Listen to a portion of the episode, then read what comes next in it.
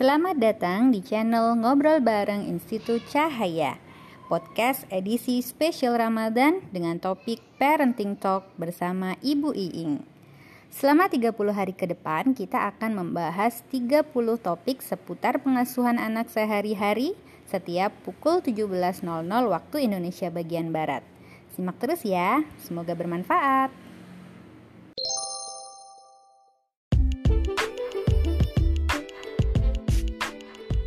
Assalamualaikum warahmatullahi wabarakatuh Ayah bunda semuanya. Hari ini kita mulai ngobrol ya Di podcast kita tentang parenting talk. Dan hari ini saya akan angkat satu tema Request dari sahabat FB saya. Ketika dulu saya kirim postingan tentang Mau bikin podcast ini. Ceritanya saya minta masukan topik-topik apa saja yang dibutuhkan oleh para orang tua yang kira-kira mungkin bisa saya share ya. Dan salah satu teman beliau adalah kakak tingkat saya.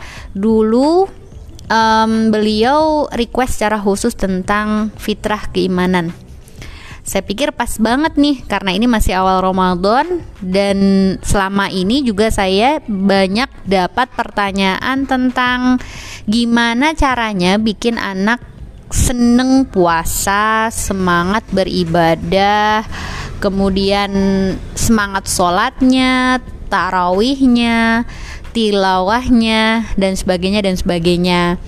Jadi akhirnya saya pilih top topik fitrah keimanan ini di topik pertama kita hari ini.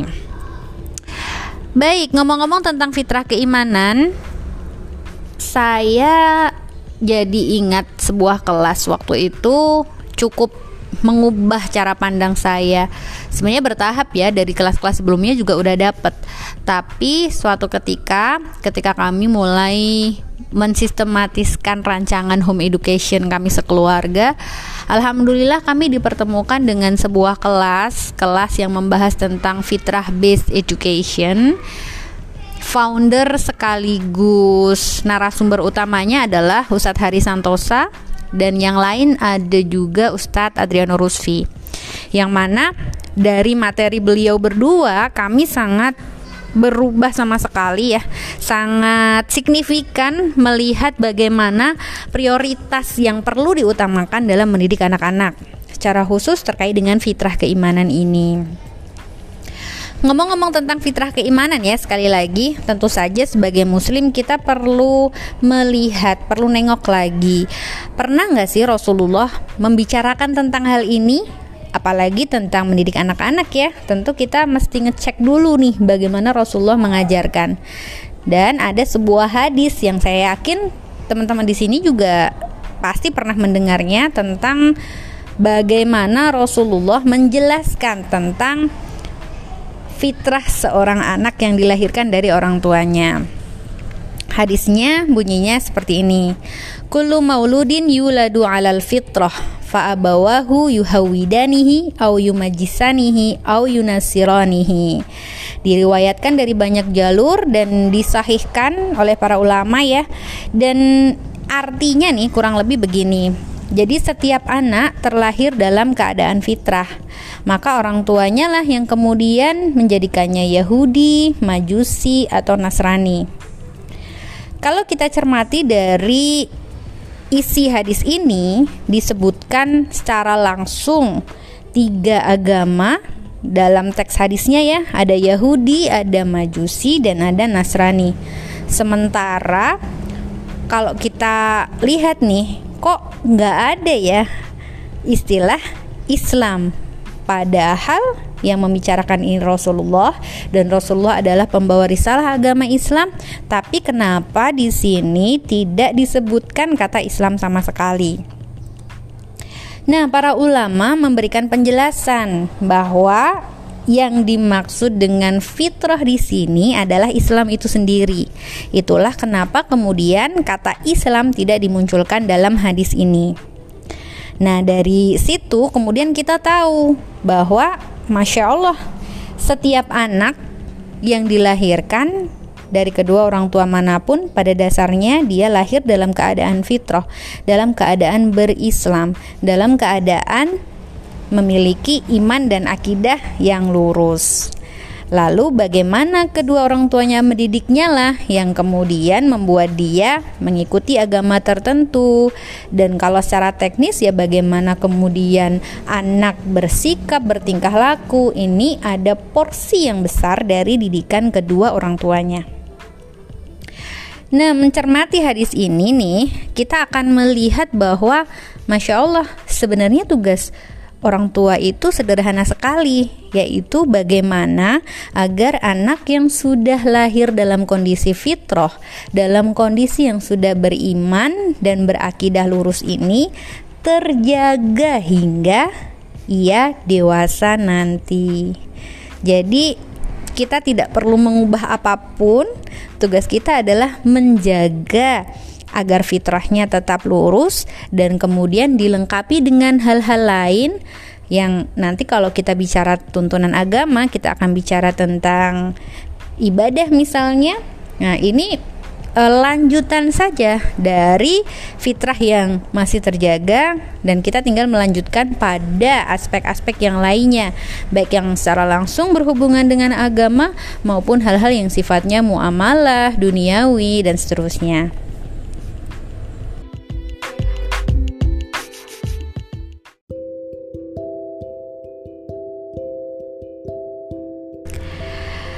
Jadi setelah kita paham nih ya bahwa sebelum bicara tentang mendidik anak untuk beribadah, kita perlu memastikan bahwa fitrah keimanannya terjaga, maka wajar banget kalau kita sebagai orang tua lalu kemudian berpikir, terus gimana caranya menjaga fitrah anak? Teknisnya itu gimana? Karena nggak kebayang cara menjaganya. Padahal ya urusan kita sama anak tuh banyak banget sebagai ibu ya mulai dari lahir itu yang namanya drama menyusui itu luar biasa. Kemudian setelah menyusui habis itu MPASI belum lagi anak susah makan. Habis itu anak tantrum. Habis itu sekolah. Habis itu bersosialisasi dengan teman-temannya. Habis itu sekolah lagi dan seterusnya dan seterusnya gitu. Terus bentuk mendidik fitrah keimanan itu seperti apa Nah, karena saking abstraknya yang namanya iman, kadang-kadang memang wajar kalau kita jadi mati gaya untuk merealisasikan menjaga fitrah dalam bentuk pendidikan anak itu seperti apa. Dan benar sekali ketika saya belajar dari Ustadz Adriano Rusfi, beliau juga mengatakan bahwa Ya, memang di antara kesalahan pendidikan kita adalah menganggap bahwa yang namanya iman, akidah itu saking abstraknya sehingga tidak bisa dididikkan. Akhirnya ya udahlah nanti aja. Dan yang paling gampang ya quote on quote nih yang paling gampang adalah ya udah mendidik agama itu langsung secara teknis mendidik tentang tata tata cor eh, tata cat gimana sih astagfirullah tata cara sholat atau cara berpuasa, bicara tentang rukun-rukunnya, syaratnya, hukumnya, yang membatalkan dan sebagainya, itu memang lebih mudah, lebih operasional sehingga akhirnya pendidikan kita lebih banyak membahas soal cara beribadah daripada membahas tentang keimanan. Nah, sebelum bicara tentang haunya nih, kita akan bedah dulu aspek keimanan itu apa saja. Jadi kalau kita bicara tentang tingkatan akidah ya, ada tiga bentuk yang disepakati oleh para ulama yang saya tahu. Yang pertama adalah tauhid rububiyah, yaitu keyakinan bahwa Allah lah yang menciptakan alam semesta dan seisinya termasuk manusia dan Allah lah yang menjamin rizki setiap makhluknya. Allah yang menjaga keteraturan dalam alam semesta. Ini adalah level yang paling dasar yang mestinya setiap manusia ini meyakini hal itu. Nah tahapan yang kedua yaitu tauhid mulkiyah yaitu Allah sebagai pelindung, Allah sebagai hakim penentu, Allah sebagai pengatur sebagaimana Allah telah menciptakan alam semesta dengan berbagai keteraturan, maka supaya alam semesta berjalan selaras, maka Allah turunkan aturan-aturan agar manusia sebagai khalifatullah fil ard, sebagai wakil Allah di bumi, kemudian memiliki panduan, memiliki pedoman supaya tetap selaras dengan maksud Allah menciptakan alam semesta dan seisinya. Tahapan yang ketiga yaitu tauhid uluhiyah. Tauhid uluhiyah, nah ini dari dasar katanya ya, ini akan nyambung dengan bagaimana rukun Islam yang pertama yaitu tentang syahadat, kesaksian kita bahwa Allah lah satu-satunya ilah.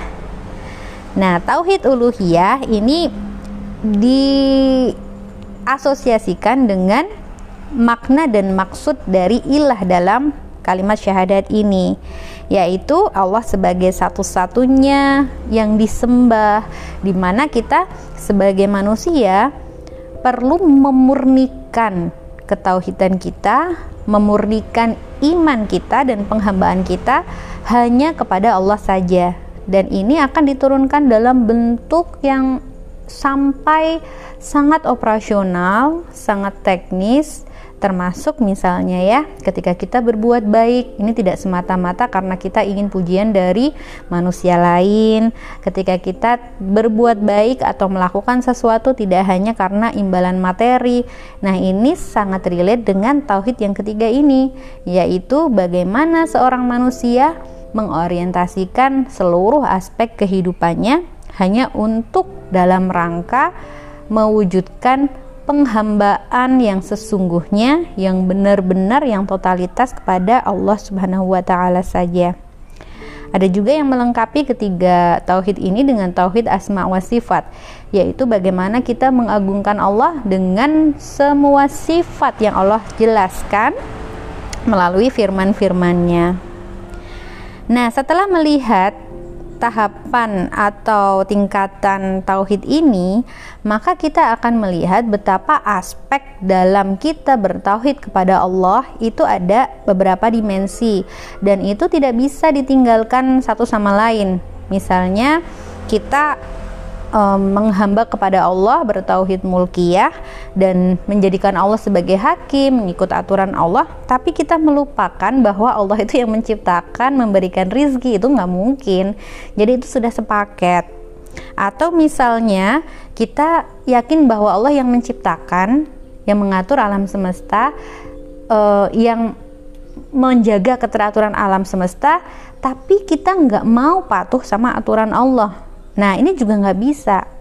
Dan pasti akan ada ketimpangan kalau misalnya kita meninggalkan tauhid uluhiyah. Misalnya, kita yakin Allah yang sudah memberi rizki, kemudian kita bekerja habis-habisan, tapi kita bekerja hanya untuk asbab mencari materi berupa rizki yang Allah janjikan. Nah, ini akhirnya akan menimbulkan kehampaan dalam diri seseorang karena dia tidak menjadikan proses bekerja itu sebagai bagian dari penghambaan kepada Allah dan hanya meminta ridho Allah dari semua prosesnya. Nah, ini akan ada yang timpang. Sehingga akidah seseorang akan sangat menentukan kualitas manusia, kualitas seorang mukmin dalam beribadah. Nah, bagaimana bentuknya? Nanti kita lanjut ya. Bagaimana kemudian kita mendidik anak beribadah setelah pondasi akidah, pondasi fitrah keimanan ini terbangun dengan baik.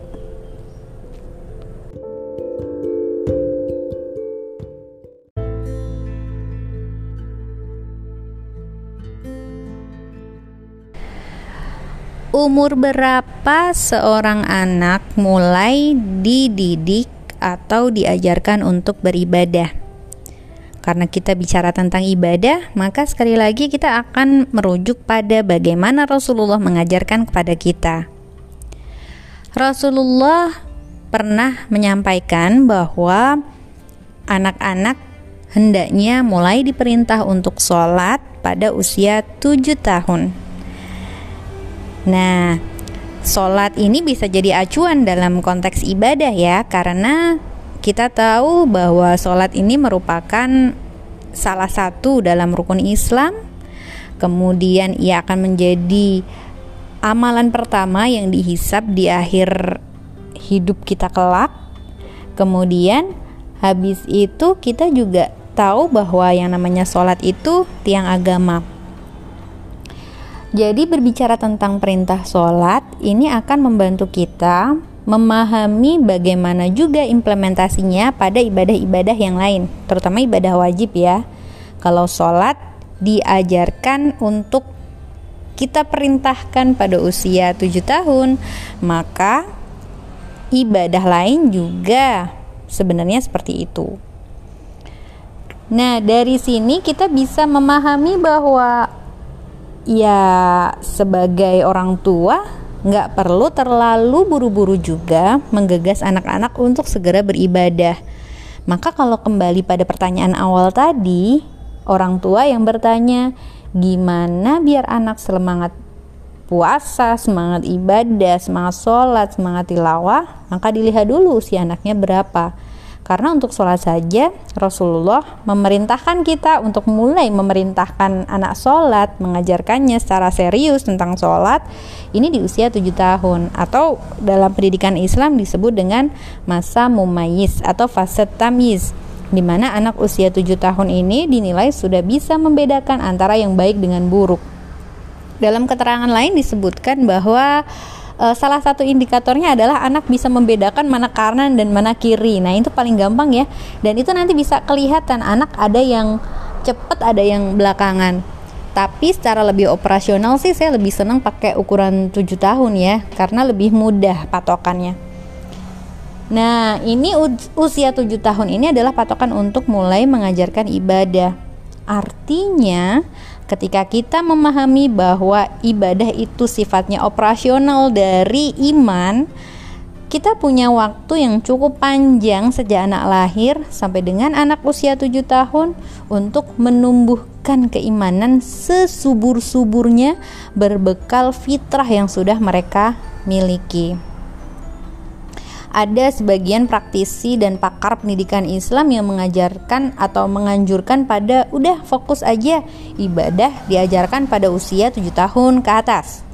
Ada juga yang oh itu kan 7 tahun tuh diperintahnya sehingga selama 0 sampai 7 tahun itu mulai dilatih secara bertahap ada yang seperti itu. Nah, kalau saya gimana nih? Nah, seperti yang sudah saya sebutkan, saya pakai aliran custom. Jadi, syarat dan ketentuan berlaku untuk setiap pilihan yang nantinya kita pilih. Nah, kalau kita bicara tentang mulai, benar-benar mulai ya mengajarkan ibadah pada usia 7 tahun, maka kita juga akan melihat bagaimana prosesnya dari 0 sampai 7 tahun. Bentuk melatih fitrah keimanan itu banyak sekali. Misalnya ya, di usia 0 sampai 7 tahun itu kan anak-anak masih urusannya itu masih sederhana, masih terkait dengan bagaimana memenuhi kebutuhan fisiknya, bagaimana memenuhi kebutuhan emosionalnya, dan aktivitasnya memang lebih banyak di rumah dengan keluarganya. Cara terbaik untuk mengenalkan Allah, mendidik ketauhidan dan akidah kepada anak usia 0 sampai 7 tahun ini bukan dengan cara dibacakan buku tentang definisi iman, apa rukun iman, aspek akidah dan sebagainya. Tapi kita bisa mulai dengan hal-hal yang paling dekat dengan kehidupan dia sehari-hari. Misalnya, ketika dia melihat ciptaan Allah yang indah. Nah, ini kan sarana untuk menunjukkan kepada anak bahwa ada sesuatu yang sangat indah dan luar biasa dan manusia nggak bisa bikin. Maka siapa yang bikin? Kita kenalkan bahwa Allah sang kholik yang menciptakan ciptaan-ciptaan indah ini termasuk manusia, termasuk binatang kesayangannya di rumah dan sebagainya dan sebagainya. Anak akan berlatih mengasosiasikan hal-hal baik yang ada di sekitarnya, yang ada di lingkungannya, yang bisa dia indra, yang bisa dia lihat dengan zat Allah sebagai pencipta dan ini kalau kita lihat pada aspek-aspek ketauhidan tadi ya jenis-jenis ketauhidan ini bisa masuk pada tauhid rububiyah ketika dia bisa bernafas dengan nyaman, ketika dia bisa mendapatkan udara yang bersih, ketika dia mendapatkan nikmat dalam bentuk apa pun, maka ini menjadi kesempatan yang luar biasa untuk orang tua mengenalkan bahwa setiap kenikmatan itu datangnya dari Allah. Dan itu pondasi yang bagus sekali karena dengan seperti ini maka akan melahirkan kecintaan kepada Allah sebagai pencipta, sebagai pemberi rizki dan sebagai penjaga alam semesta. Yang mana ketika cinta itu hadir, ini akan menjadi um, dimensi yang luar biasa ketika bicara tentang keimanan. Saya baca tentang uh, pendapat para ulama bahwa dimensi keimanan itu ada tiga pilarnya ya.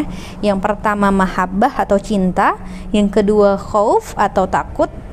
Ya meskipun takutnya ini uh, bukan takut yang kayak bahasa Indonesia ya, dalam bahasa Arab ada beberapa istilah yang menggambarkan takut, tapi takut di sini bukan takut yang serem dan jahat dan kejam ya, tapi ketakutan dalam kerangka ketaatan. Lalu kemudian yang ketiga ada roja atau harapan. Cinta, khauf, roja. Tiga hal ini meski hadir, mesti hadir untuk menghadirkan keimanan yang kokoh. Nah, kalau kita langsung lompat pada ibadah, biasanya, biasanya nih ya yang sering saya temui, orang tua akan langsung lompat pada khauf dan roja. Misalnya, kalau nggak beribadah, nanti nggak dapat pahala, nanti masuk neraka. Ih, serem banget. Atau misalkan nanti Allah marah gitu ya. Nah, kemudian anak oke okay, mau belajar sholat karena takut Allah marah atau misalkan dengan roja dengan harap dengan iming-iming pahala ya misalnya gini e, ayo kita sholat biar dapat pahala ya bener gitu nggak salah itu juga merupakan salah satu pilar keimanan tapi kalau kita lihat lagi jangan sampai ada satu pilar lagi yang hilang yaitu pilar mahabbah atau cinta dan cinta itu perlu dipupuk, ditumbuhkan dan dirawat dengan sebaik-baiknya. Seperti kita mencintai pasangan misalnya ya, bagi yang sudah berkeluarga, mencintai pasangan itu perlu dipupuk, direkatkan, dikuatkan dengan cara apa? Dengan cara melihat kebaikan-kebaikan yang bersangkutan, kemudian kita mensyukuri ya bagaimana pasangan itu dihadirkan kepada kita. Nah ini kan cinta ini mesti dipupuk. Kalau kita nggak terbiasa memupuknya ya akan hilang begitu saja. Sama dengan mahabbah kepada Allah kurang lebihnya, yaitu ketika kita semasa anak-anak masih dekat sekali dengan kondisi fitrahnya, kita terbiasa untuk memupuknya dengan kecintaan, maka ketika usia 7 tahun dia bertransisi dari akidah yang kokoh dengan um, mulai perintah beribadah secara sungguh-sungguh di usia 7 tahun, ini anak sudah bisa mengoperasionalkan dengan benih-benih kecintaan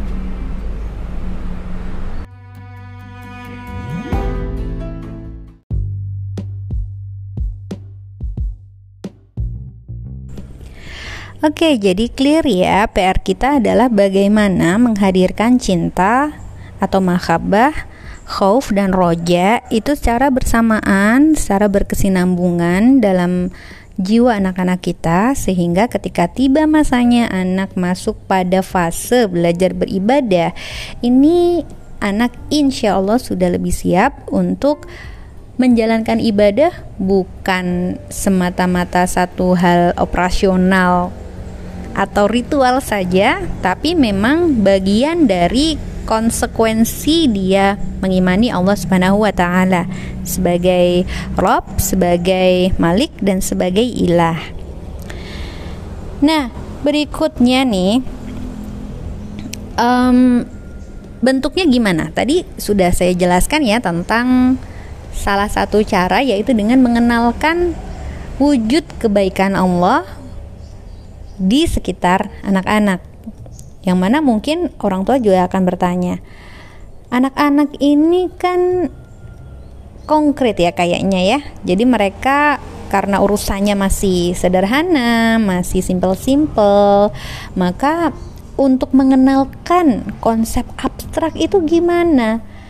Apa ya nggak bisa padahal yang namanya iman akidah itu konsepnya abstrak nah menurut Ustadz Adrianus uh, menurut Ustadz atau Ustadz Aat beliau mengatakan bahwa pada usia 0 sampai 7 tahun pada dasarnya kemampuan anak melakukan abstraksi itu sedang sangat baik-baiknya Percaya nggak buktinya nih ya, ketika misalkan anak-anak di usia dini berimajinasi, itu mereka imajinasinya itu bisa sangat ekstrim gitu. Jadi bukan berarti anak usia 0 sampai 7 tahun ini tidak bisa melakukan abstraksi. Jadi it's okay banget dalam hal ini kita mengenalkan Allah di usia 0 sampai 7 tahun dengan cara-cara seperti tadi. Ya mungkin kita akan mendapati pertanyaan-pertanyaan ajaib ya dari anak-anak. Misalkan Allah itu punya tangan enggak Allah itu punya mulut enggak seperti anak saya juga sering bertanya seperti itu. Nah di situlah kemudian orang tua juga nggak gampang baper gitu dengan pertanyaan-pertanyaan anak ini anakku nggak bisa nih gitu. Karena kita nggak bener-bener ngerti apa yang sesungguhnya ada di pikiran mereka.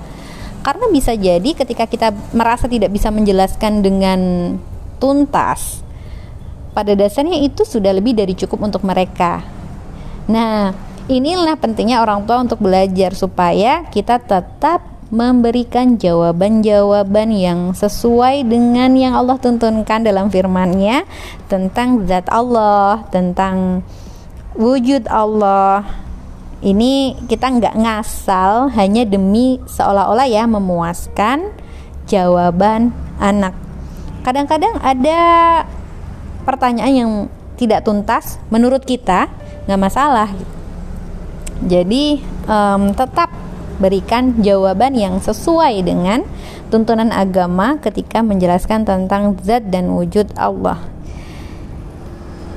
Nah, ini kan usia 0 sampai 7 tahun. Nah, setelah 7 tahun gimana tuh? Ya, tinggal dilanjutkan saja. Ketika pondasi keimanan al-mahabbah ini sudah tumbuh dengan baik, maka kita lanjut ke khauf dan roja. Ini insya Allah akan lebih mulus. Karena ini sepaket ya, nggak bisa, nggak bisa ditinggalkan satu saja nanti akan jadi timpang. Cinta saja, ya udah yang penting cinta sama Allah. Kemudian kita tidak kenalkan aturan pada masanya.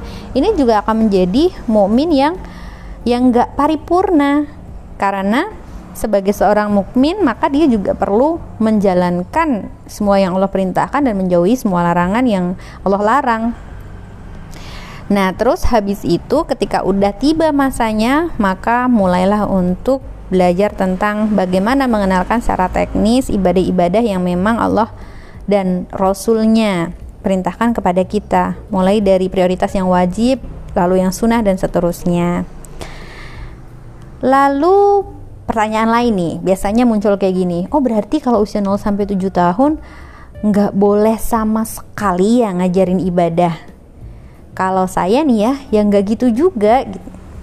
Tapi ada cara lain yang bisa kita lakukan untuk mengajarkan mendidik mereka beribadah tanpa harus pakai textbook atau langsung pakai prosedur kayak instruksi gitu ya. Habis itu ayo sholat bacaannya begini dan sebagainya. Kita bisa memulainya dengan mengenalkan konsep dan praktek ibadah dalam atmosfer kesulihan uh, kesolihan keluarga sehari-hari. Anak akan melihat bagaimana orang tuanya beribadah maka itu adalah pelajaran pertama bagi anak tentang persepsi dia mengenai ibadah.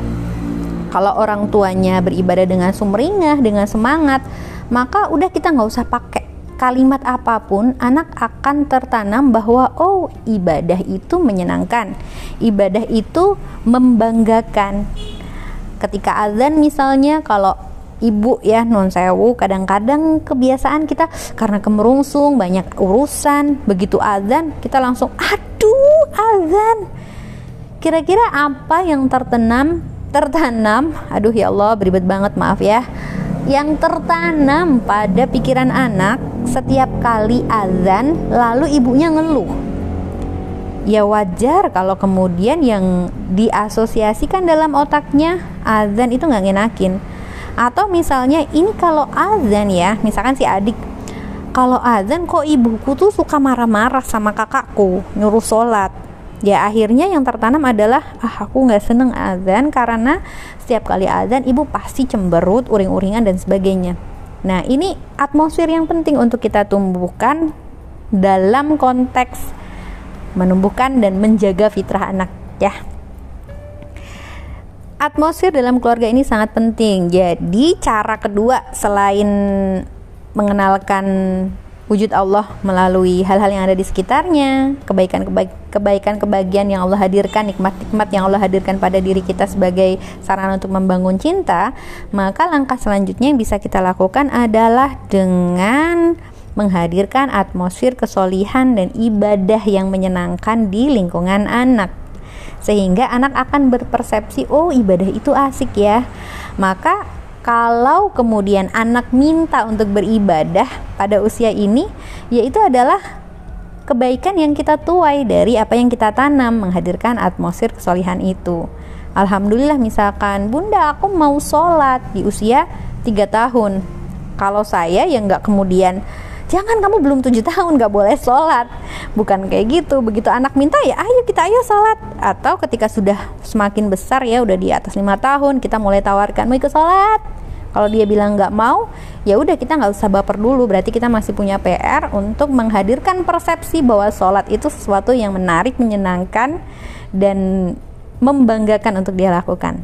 Termasuk puasa Anak-anak saya alhamdulillah mereka bisa puasa sejak usia dini ya. Alhamdulillah ini mulai dari anak pertama um, ya ada banyak faktor kapan-kapan saya cerita. Jadi alhamdulillah diberikan kemudahan untuk berpuasa dan ketika adik-adiknya ini mulai ngerti apa yang namanya puasa, mereka melihat puasa itu sebagai sebuah prestasi prestasi yang bukan untuk dikeluar-keluarkan dipajang gitu bukan ya. Tapi ketika melihat kakaknya ini berhasil puasa dia punya greget dia punya keinginan untuk bisa mencapai itu.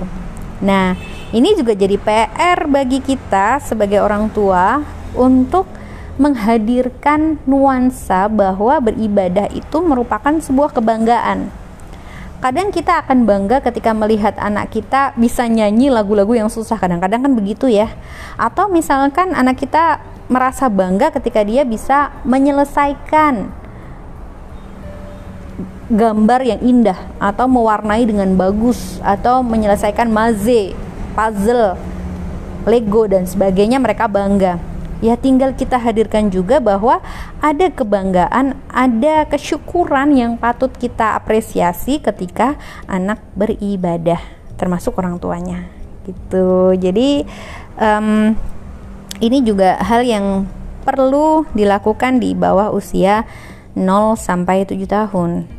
Bukan berarti nggak boleh sama sekali ya, mulai dikenalkan, kemudian mulai diajak, kemudian uh, diapresiasi ketika dia melakukan ibadah di usia itu tanpa kemudian kita membebani. Karena perintah Rasulullah mulai diajarkan sholat di usia 7 tahun. Sambil disounding terus ya ke anak-anakku nanti 7 tahun kamu sudah menjadi anak mumayis dan jadikan mumayis itu kebanggaan bukan sebagai beban Keren loh, nanti ketika sudah memayis kamu berarti dinilai sudah bisa membedakan yang baik dan buruk.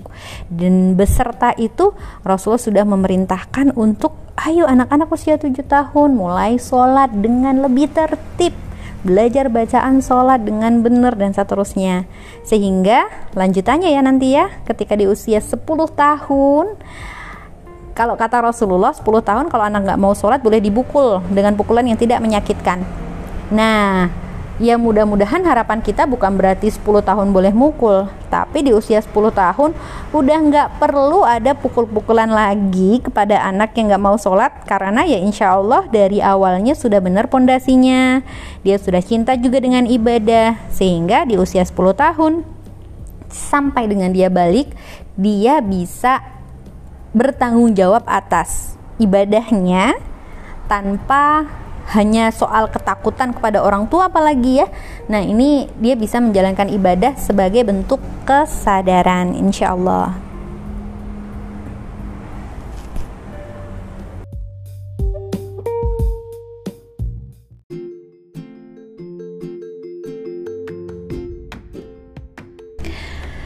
Baik ayah bunda sekalian, mengulang isi hadis yang saya sebutkan di awal bahwa setiap anak terlahir dalam keadaan fitrah dalam keadaan berislam dan berakidah yang lurus. Tugas kita sebagai orang tua adalah menjaganya, merawat fitrah itu sehingga anak kita tumbuh menjadi anak yang solih, hamba Allah yang taat dan juga wakil Allah di bumi yang bisa menjalankan tugas-tugas memakmurkan bumi, menjaga bumi dari kerusakan sebagaimana yang Allah perintahkan. Dengan keyakinan bahwa anak sudah lahir dalam kondisi fitrah, bukan kosongan, artinya dia sudah membawa hal-hal baik, modalnya sudah luar biasa besar, maka bukankah berarti bahwa menjaga anak dalam kesolihan akan lebih mudah daripada kita memerintahkan anak pada keburukan? Yuk, dengan bekal pemahaman ini, semoga kita bisa lebih ringan melangkah dan Allah mudahkan setiap urusan kita dalam mendidik anak-anak. Saya Fitri Iing, sekian dari saya. Wassalamualaikum warahmatullahi wabarakatuh.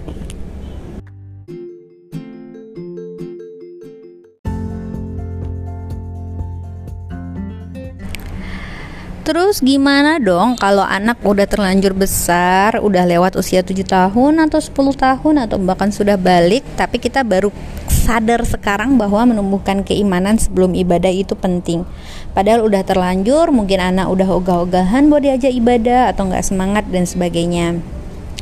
Berdasarkan yang saya pelajari bahwa tidak ada kata terlambat untuk memulai dan kalaupun kita merasa terlambat dan terlompati fase-fase menumbuhkan keimanan, menjaga keimanan, merawat keimanan itu di usia dini, maka kita tetap bisa memulainya mulai dari hal-hal yang paling kita bisa. Jadi bukan berarti ketika anak sudah balik lalu kemudian dia sudah terlanjur nggak semangat sholat lalu kita menumbuhkan keimanan terus ya udah nggak usah sholat dulu itu bukan kayak gitu ya. Jadi mulai dari ya sholatnya tetap karena dia sudah menanggung beban syariat maka kewajiban-kewajiban tetap perlu ditunaikan. Lalu kemudian kita isi ruang-ruang dialognya dengan hal-hal yang terlewatkan.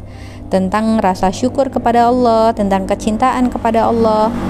Dan dalam konteks ini nggak apa-apa banget misalkan kita orang tua secara tulus meminta maaf karena kita kurang tepat dalam fase-fase mendidik dia dulu. Kadang-kadang anak pertama kan uh, anak di mana kita masih belajar ya, sehingga dalam proses belajar itu mungkin ada kekeliruan-kekeliruan dalam pengasuhan yang kita lakukan. Maka berendah hatilah untuk segera meminta maaf ketika kita merasa ada yang kurang tepat dalam proses pengasuhan dan segera perbaiki um, yang saya ketahui salah satu yang akan sangat mendukung dalam proses itu adalah bagaimana orang tua juga perlu melakukan tazkiyatun nafs atau mensucikan diri banyak-banyak bertaubat kepada Allah mendekatkan diri kepada Allah kemudian bersungguh-sungguh untuk memperbaiki proses pengasuhan dengan belajar, dengan lebih terlibat dengan anak dan seterusnya.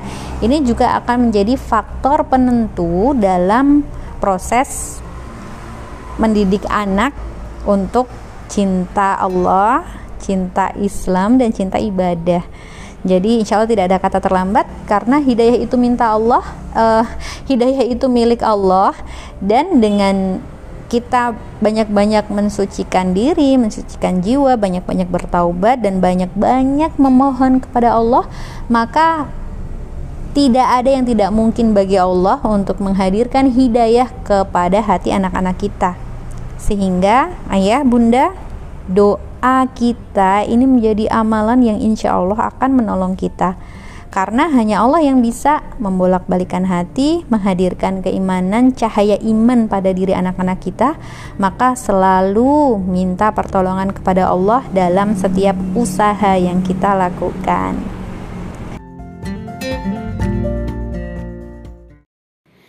Terima kasih sudah menyimak Parenting Talk podcast edisi spesial Ramadan bersama Institut Cahaya. Semoga bermanfaat ya.